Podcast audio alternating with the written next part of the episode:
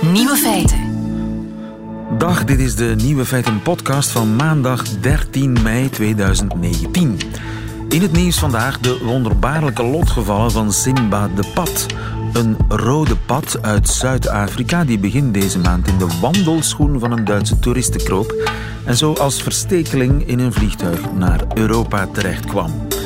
Via Schiphol kwam hij uiteindelijk in Düsseldorf terecht. En daar ging het van kwaad naar erger.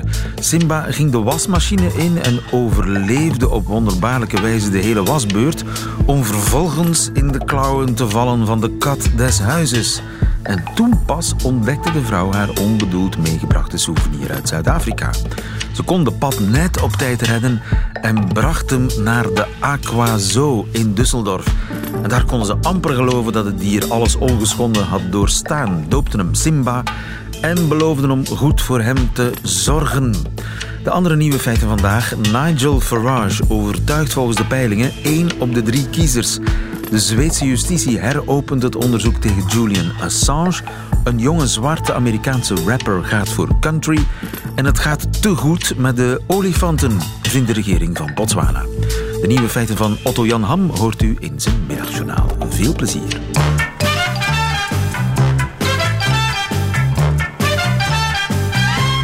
Nieuwe feiten. De gloednieuwe Brexit-partij van Nigel Farage wordt bij de Europese verkiezingen eind deze maand meteen de grootste van alle partijen in, de, in het Verenigd Koninkrijk. Althans volgens een peiling. En dat komt volgens vele waarnemers door de tabloids. Lia van Beckhoven, goedemiddag. Goedemiddag, lieve. Lia, jij bent onze vrouw in Londen. Eén op de drie kiezers zou voor Farage willen stemmen. En zij doen dat, althans volgens velen, onder invloed van ja, de furieuze tabloids. Kan dat kloppen? Ja, ik vind dat zo'n moeilijke vraag. Ik bedoel, uh, het kan ja en nee. Het is ingewikkelder, denk ik, dan je misschien zou denken. Het is niet zo alsof hè, de kranten uh, kunnen bepalen en hun lezers op zo'n manier kunnen stimuleren dat ze op één bepaalde uh, partij stemmen. Zo werkt dat niet. Maar het is wel zo dat de meeste Britse kranten en dan heb ik het over alle kranten hoor, ook de kwantiteitsbladen, uh, de kwaliteitsbladen, in handen zijn van, van, van rechtse tot extreemrechtse, uh, vaak buitenlandse miljardair, miljardairs. En die mensen die hebben een agenda, die hebben een politieke ideologie. En die ideologie is doorgaans anti-Brexit. He? Dus daarom kiezen die kranten heel duidelijk in hun commentaren, maar ook via de voorpagina's, voor uh, Nigel Farage en zijn Brexit-partij. Omdat ze juist voor de Brexit zijn, toch? Omdat je zei net anti-Brexit. Omdat ze voor. Sorry, omdat ze voor de Brexit zijn. Ze zijn heel erg pro-Brexit, ja. Maar krantenverkopers, die willen kranten verkopen. Ook Tuurlijk. bij ons. En bij ons is het moeilijk denkbaar dat een krant zo duidelijk een politieke stelling inneemt. Ja, maar dat is in eh, Groot-Brittannië natuurlijk anders. Uh, de pretentie dat je objectief bent, die bestaat hier niet. Uh, dat geldt alleen eigenlijk voor de BBC. die omroep wordt gezien als, als onpartijdig, maar dat geldt zeker niet voor de kranten. alle kranten, ook de, de onberispelijke Financial Times, alle kranten hier geven een stemadvies aan de lezer bij verkiezingen. Ik bedoel, dat is ook absurd natuurlijk en ondenkbaar in grote delen van de rest van de wereld. Maar nogmaals, hoe groot die invloed is van de tabloids, daar zijn, echt, er zijn bibliotheken vol over geschreven. Er is heel veel onderzoek naar gericht. Ik denk dat de invloed van kranten op lezers overdreven wordt. Um, uh, maar wat niet overdreven is, en dat vind ik zeker zo interessant, is de invloed van de Britse uh, tabloids op de politiek en op de rest van de media. want heel lang, liever om je voorbeeld te geven, heel lang was het adagium bij Britse politici dat je geen verkiezingen kon winnen als je de tabloids niet aan jouw kant had staan. Mensen als Tony Blair bijvoorbeeld, toen hij zijn eerste overwinning als premier behaalde, Waar ging hij naartoe toen hij net premier was? Zijn eerste buitenlandse bezoek was naar Rupert Murdoch in Australië. want die heeft de Times, de Sunday Times en de Sun. En ook nog Sky News. Maar waarom is hij dan zo voor die Brexit? Omdat als je een land hebt als Groot-Brittannië, uh, de vijfde grootste economie ter wereld, als die uit de Europese Unie stapt, dan is de chaos, de economische chaos, vooral met de no-deal Brexit, wordt hier voorspeld, zo groot dat grote multinationale bedrijven daar financiële slaatje uit kunnen slaan. En voor hen is het voordelig. De hoop voor die grote bedrijven is dat ze in de paniek bijvoorbeeld tot te gokken op de daling van de valuta, stijging van andere valuta, dat ze daar eh, nogmaals financieel vooruit gaan. In de hoop dat Groot-Brittannië ook inderdaad buiten de EU een soort van Singapore aan de Theems wordt. Dus een land met hele lage lonen, met veel minder strak toezicht op hoe uh, de, de, rechten van werknemers, de rechten van vrouwen, enzovoort, enzovoort, enzovoort, is natuurlijk in het, voorbeeld, uh, in het voordeel van niets ontziende kapitalisten. Ja, en de lezers van die tabloids, die beseffen dat niet, dat er allerlei belangen spelen. Ja, maar daar gaat het, jawel, maar daar gaat het bij de lezers niet om.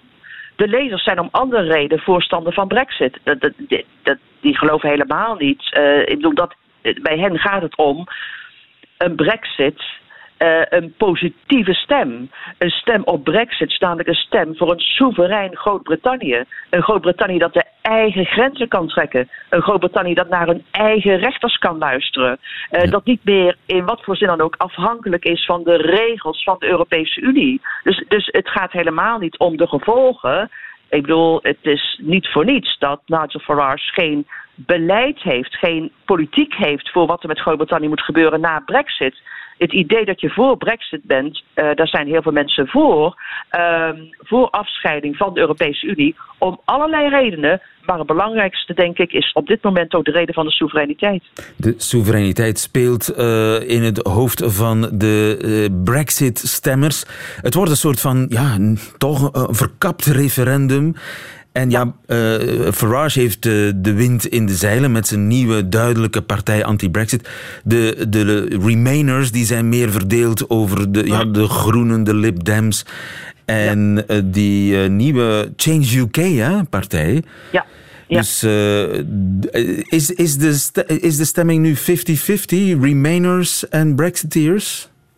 Um, nou, in de peilingen is al lang een, een, gestage, maar trage verschuiving gaande uh, in het voordeel van de anti-Brexiteers, dus in het voordeel van de Remainers, hè, de Britten die bij de Europese Unie willen blijven. Uh, die zijn zeker nu de meerderheid. Uh, maar ik denk, ik weet niet zeker of die ook de meerderheid zijn of gaan worden bij de verkiezingen om de reden die je geeft. De Remain-partijen zijn verdeeld. Uh, uh, Europese verkiezingen is niet iets waar de Britten in grote getalen voor naar de stembus gaan. Misschien is het nu allemaal anders. Maar het voordeel natuurlijk van de Brexiteers is, is dat je met Farage een hele goede campagne hebt. Een hele duidelijk herkenbare leider met een hele heldere boodschap. Nogmaals, er is geen beleid, geen partijstructuur, geen leden. Maar daar gaat het niet om. Een stem op Farage is een stem op een nieuwe toekomst buiten de Europese Unie. En dat spreekt heel veel mensen aan. Ja. Ook omdat heel veel Britten woedend zijn op de verlamming in de Britse politiek. Ze hebben drie jaar geleden gestemd voor uittreding uit de Europese Unie. En ze gaan volgende week naar de stembus om te stemmen voor de Europese Unie. Nou, dat vinden ze hier echt een verraad van de parlementaire democratie, van hun democratische wil. Ja, afwachten of die peilingen ook uh, waar blijken te zijn bij de verkiezingen over een, uh, een paar weken. Dankjewel. In Londen voor ons, Lia van Beckhoven. Goedemiddag. Nieuwe feiten. Klokkenluider Julian Assange. Verhuist hij binnenkort naar Zweden? Marijn de Waal, goedemiddag. Goedemiddag. Marijn, je bent journalist bij NRC, de Nederlandse krant. Zweden gaat het onderzoek naar seksueel misbruik van Assange weer openen, hebben ze net bekendgemaakt. De onderzoeksrechter heeft dat beslist. Uh, willen ze uh, Assange in Zweden hebben? Vragen ze om zijn uitlevering? Dat volgens nog niet, maar ze heropenen dus wel het onderzoek, wat um, eerder werd gesloten omdat Assange zichzelf uh, verschool in die Ecuadoriaanse ambassade in Londen. Uh, maar goed, daar is hij sinds vorige maand uit en uh, hij zit in een Britse cel. Dus nu zien de Zweden ja, toch aanleiding om, uh, om deze zaak weer te heropenen. En mogelijk kan dat leiden tot een Europees arrestatiebevel tegen hem. En, ja. Nou ja, de Britten moeten dan oordelen of ze daar gehoor aan geven. Want ja, als je een onderzoek heropent, zul je hem toch moeten ondervragen. Hoe kun je hem ondervragen als hij niet in het land is? Ja, dat was dus lang uh, de reden voor dat uh, onderzoek uh, om het te archiveren. Maar goed, nu die dus in een Britse cel zit, hebben de Zweden kans, of zien ze kans om dat toch te doen. Mogelijk kan dat ook via een videoverbinding. De, de Zweden hebben daar sinds kort een wet voor die dat regelt. maar goed, het is sowieso onduidelijk of die wel ooit naar Zweden gaat. Want hij zit daar in die Britse cel. Hij heeft recent een straf van een jaar gekregen omdat hij door naar die ambassade te vluchten in 2012 ja, de, de voorwaarden van zijn borgtocht uh, schond. Ehm, dus daar hebben de Britten hem nu al voor veroordeeld. Maar de grootste onzekere factor is dat ook de Amerikanen hem willen hebben. Die hebben, toen hij dus uh, vorige maand die ambassade uitgesleurd werd, meteen een uh, aanklacht tegen hem openbaar gemaakt. Zij willen hem hebben omdat hij Chelsea Manning zou hebben geholpen bij het vergeefse inbraak in een overheidscomputer. Ja, dus de Amerikanen willen hem hebben, de Zweden willen hem hebben om uh, andere redenen. Een verkrachtingszaak. Uh, wie gaat dat uiteindelijk beslissen, wie hem krijgt? Nou ja, dat is in het Verenigd Koninkrijk uh, het Home Office, dus het ministerie van Binnenlandse Zaken. Dat wordt geleid door minister Sayid Javid.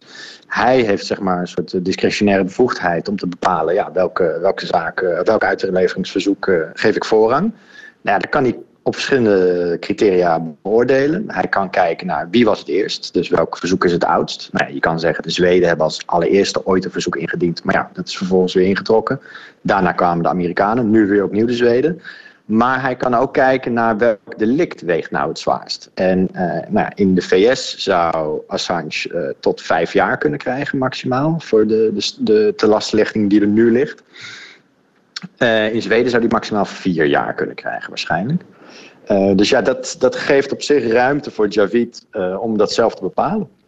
En wanneer gaan we dat weten? Nou ja, kijk, hij moet dus eerst nog die straf uitzitten uh, onder, onder, onder zijn Britse veroordeling. Sowieso. Um, sowieso. Dan pas daarna zouden de Zweden eventueel met een, met een arrestatiebevel tegen hem kunnen komen. kijk, het, de Zweden komen een beetje in tijdnood, want uh, de zaak die ze nu heropenen, die verjaart in augustus 2020. Dus ja, ergens in het voorjaar van dat jaar is Assange in ieder geval onder, Britse recht klaar. Um, ja, en dan, dan is het de vraag wie er op dat moment regeert in Londen. Want uh, Javid is van de conservatieve regering, uh, van de Tories. Uh, die zijn misschien net iets meer geneigd om uh, een Amerikaans verzoek uh, te laten prevaleren. Als het een, tot een machtswisseling zou komen in Londen en bijvoorbeeld Corbyn van de Labour-partij aan de macht zou komen, dan is het heel erg de vraag wat zijn minister zou besluiten. Kijk, Corbyn heeft eigenlijk wel sympathie voor Assange zijn klokkenluiderswerk. Um, dus die zou kunnen zeggen tegen zijn minister laat hem maar naar Zweden gaan. Uh, want uh, verkrachting, dat vinden we verwerpelijk. Uh, zijn klokkenluiderswerk, het, het, het, onthullen van die Amerikaanse oorlogsmisdaden in Irak en Afghanistan. Daar verdient hij juist een pluim voor. Dus laat hem maar naar Zweden gaan.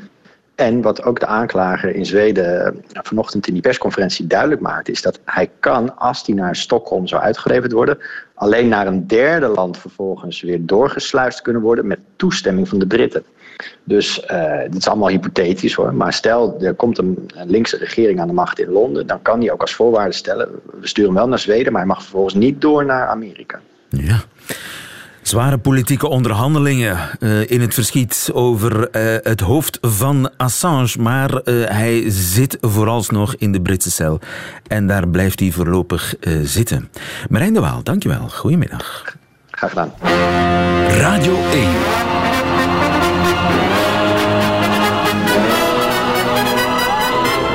Feiten.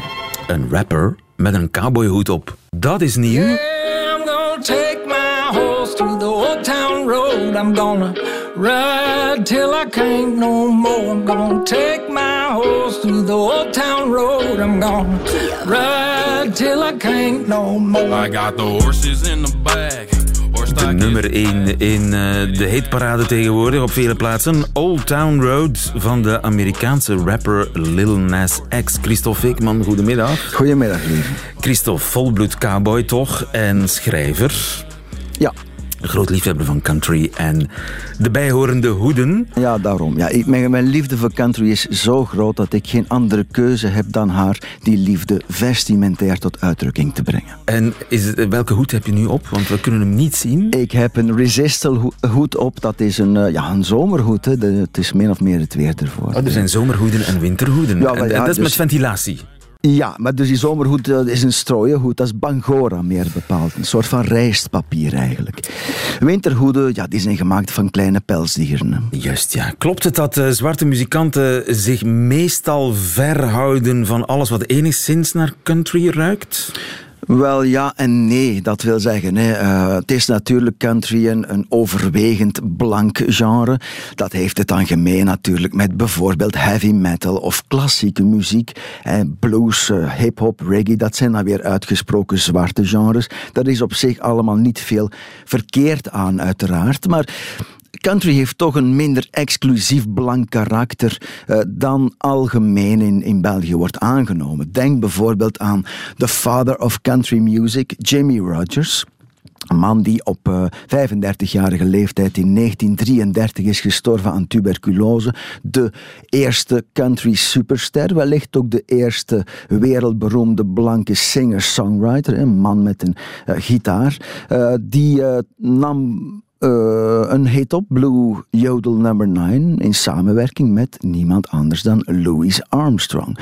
Denk bijvoorbeeld aan Bob Wills van Bob Wills en his Texas Playboys in de jaren 30. Dat was de grondlegger van de western swing, subgenre van de country die ging heel vaak optreden en samenwerken met zwarte jazzmuzikanten.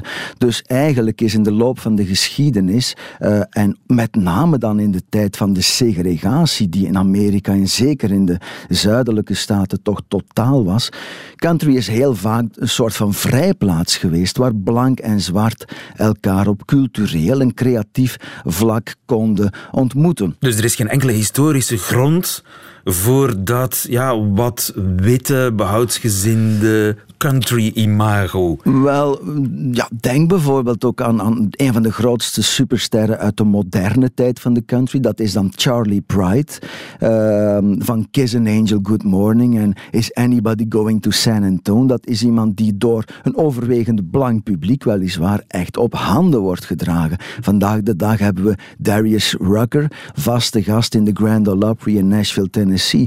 Maar het klopt natuurlijk wel dat de basis van country uh, eerder blank is. En dat heeft er alles mee te maken dat country een genre is dat zich heeft ontwikkeld enerzijds uit de Ierse en Schotse ballades, anderzijds uit de religieuze muziek uh, die door de pioniers uit het oude blanke Europa werden getransporteerd naar de nieuwe wereld, naar Amerika. Dus dat is de basis van, van country en dat is een, ja, vanzelfsprekend een blanke basis. Ja. ja.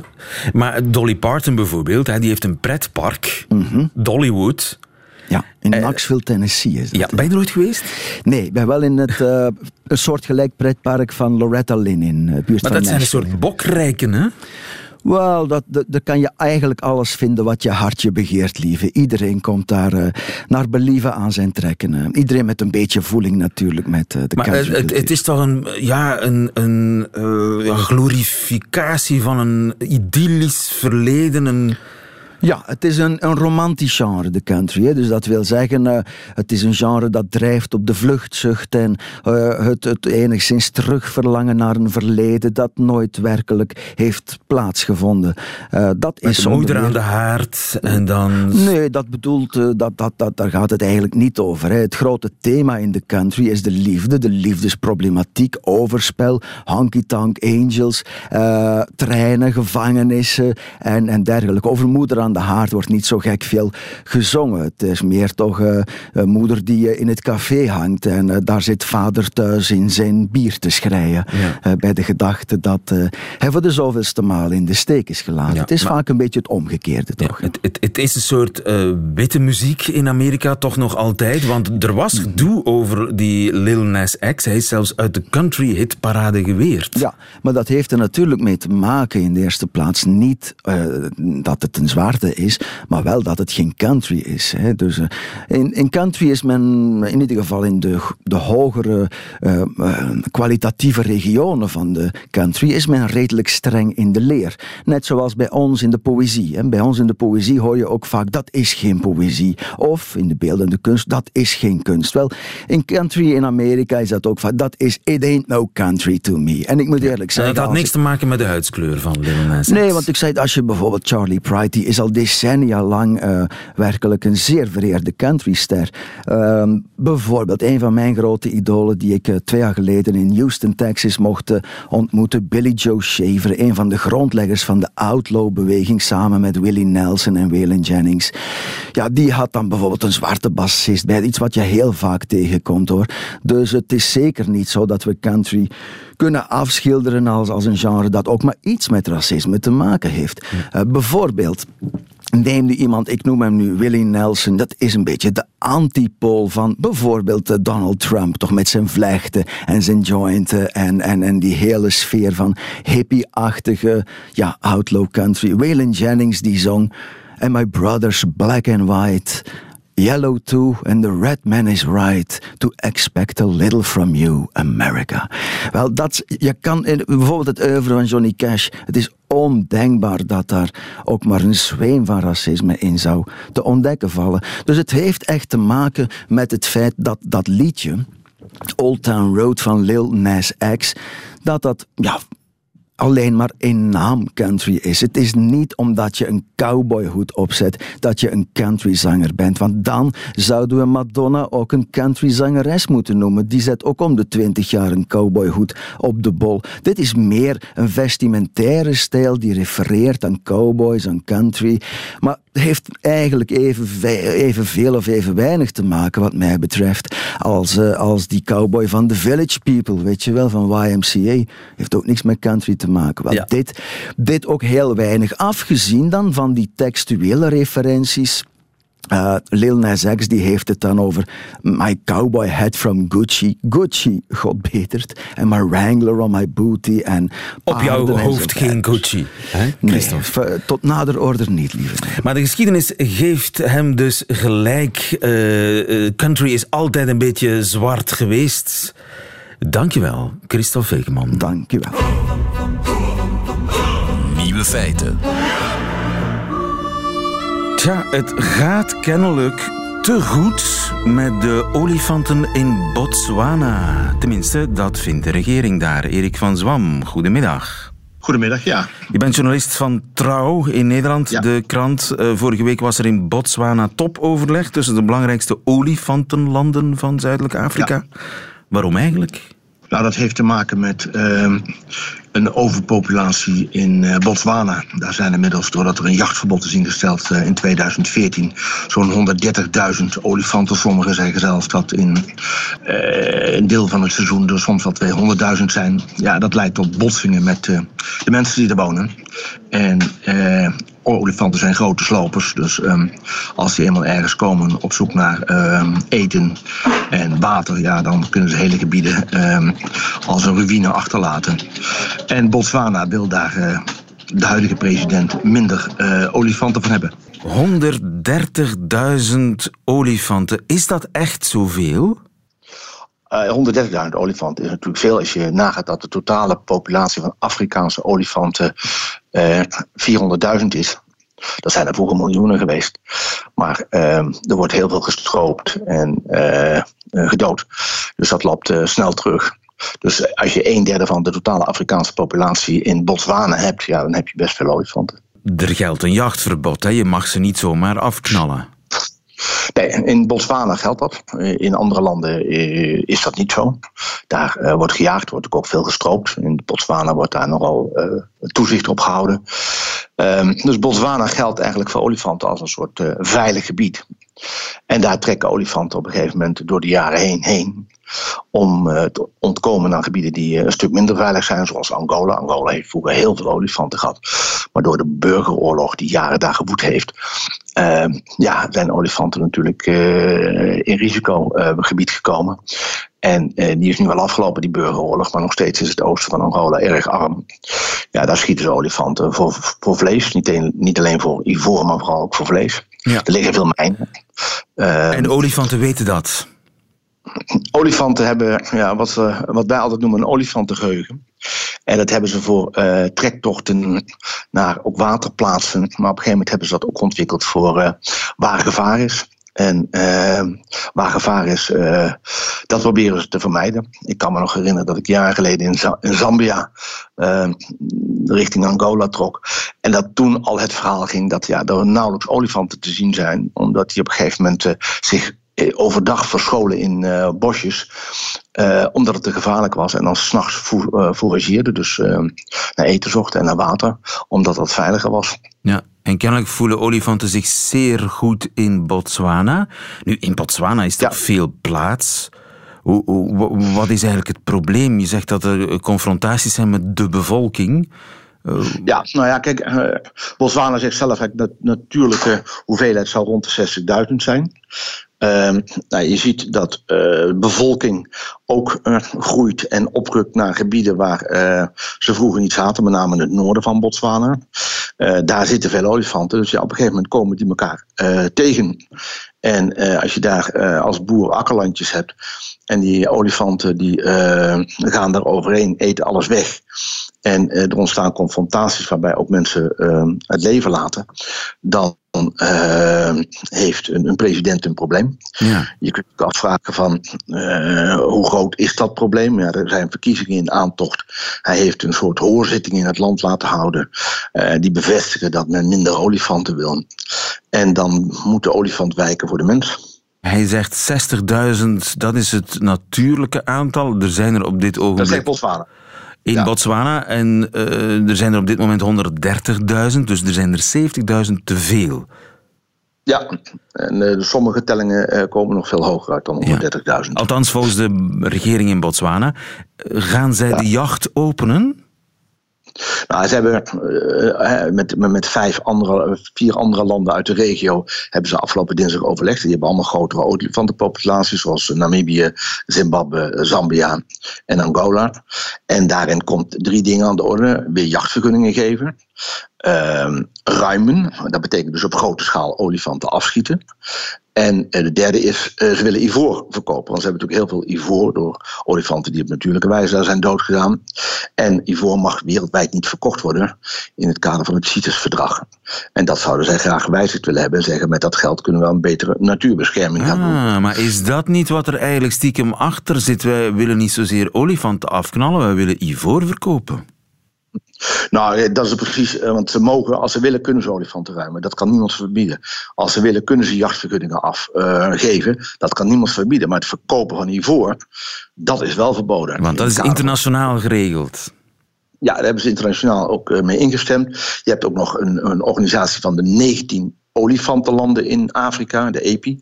En ja, de rest met kleinere olifantenpopulaties zijn ook monnikers tegen het weer verkopen van ivoor. Want op dat moment ontstaat er weer een nieuwe markt, een wereldmarkt. Dat de stroop aan, want dan kunnen ze weer ivoor kwijt. De bedoeling is dat er geen markt meer is. China heeft zich daar onlangs ook bij aangesloten.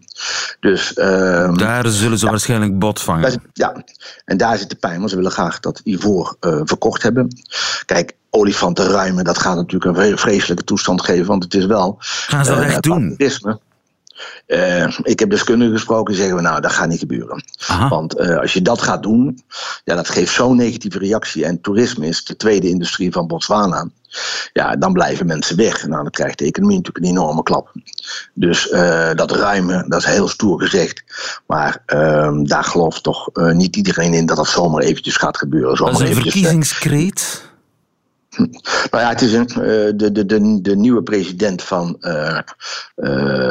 Botswana. Ja, die heeft dat inderdaad als stelling om in feite kiezers voor de verkiezingen van oktober naar zich toe te trekken.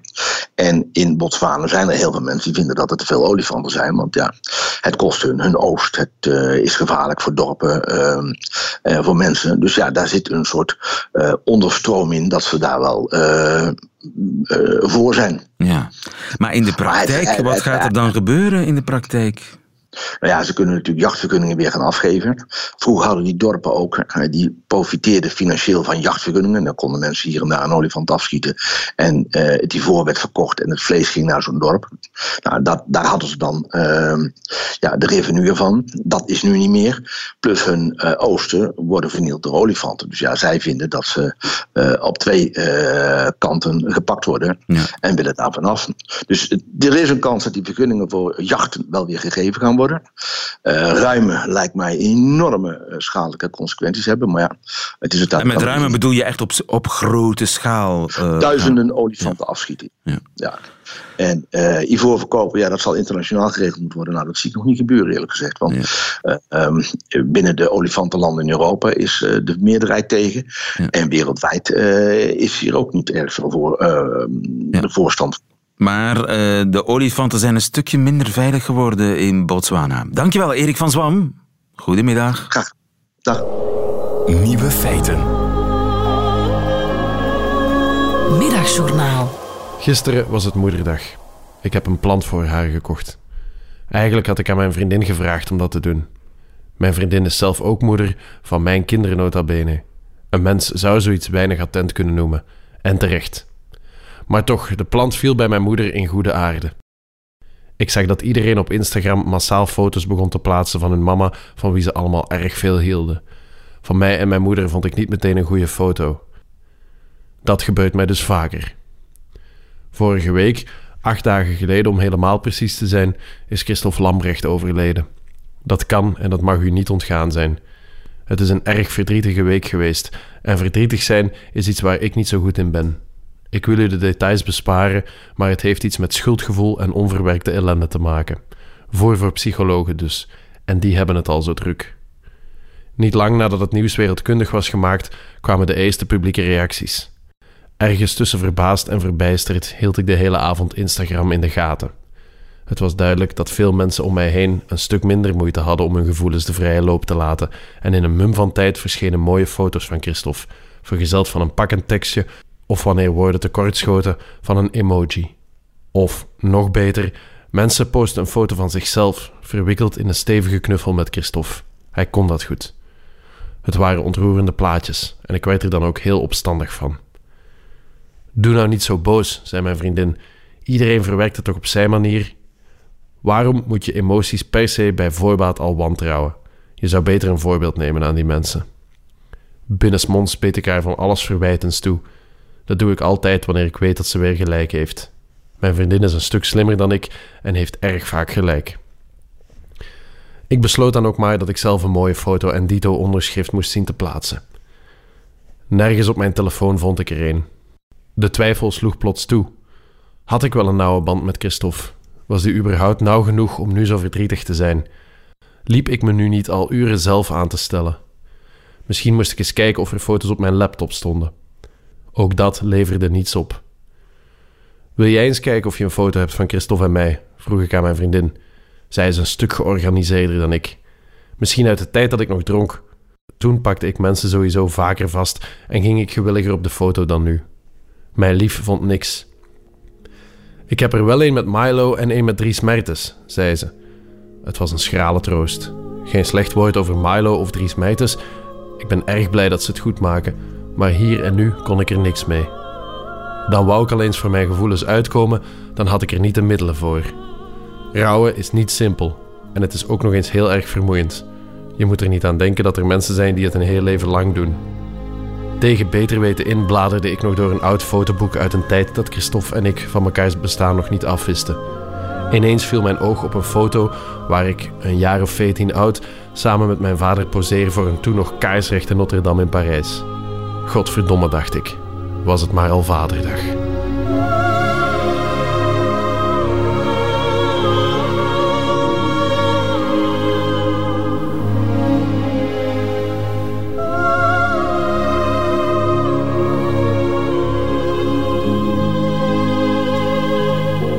Jan Ham in het Middagjournaal. Einde van deze podcast. Maar u vindt er nog veel meer op radio1.be en op de podcastkanalen. Tot volgende keer.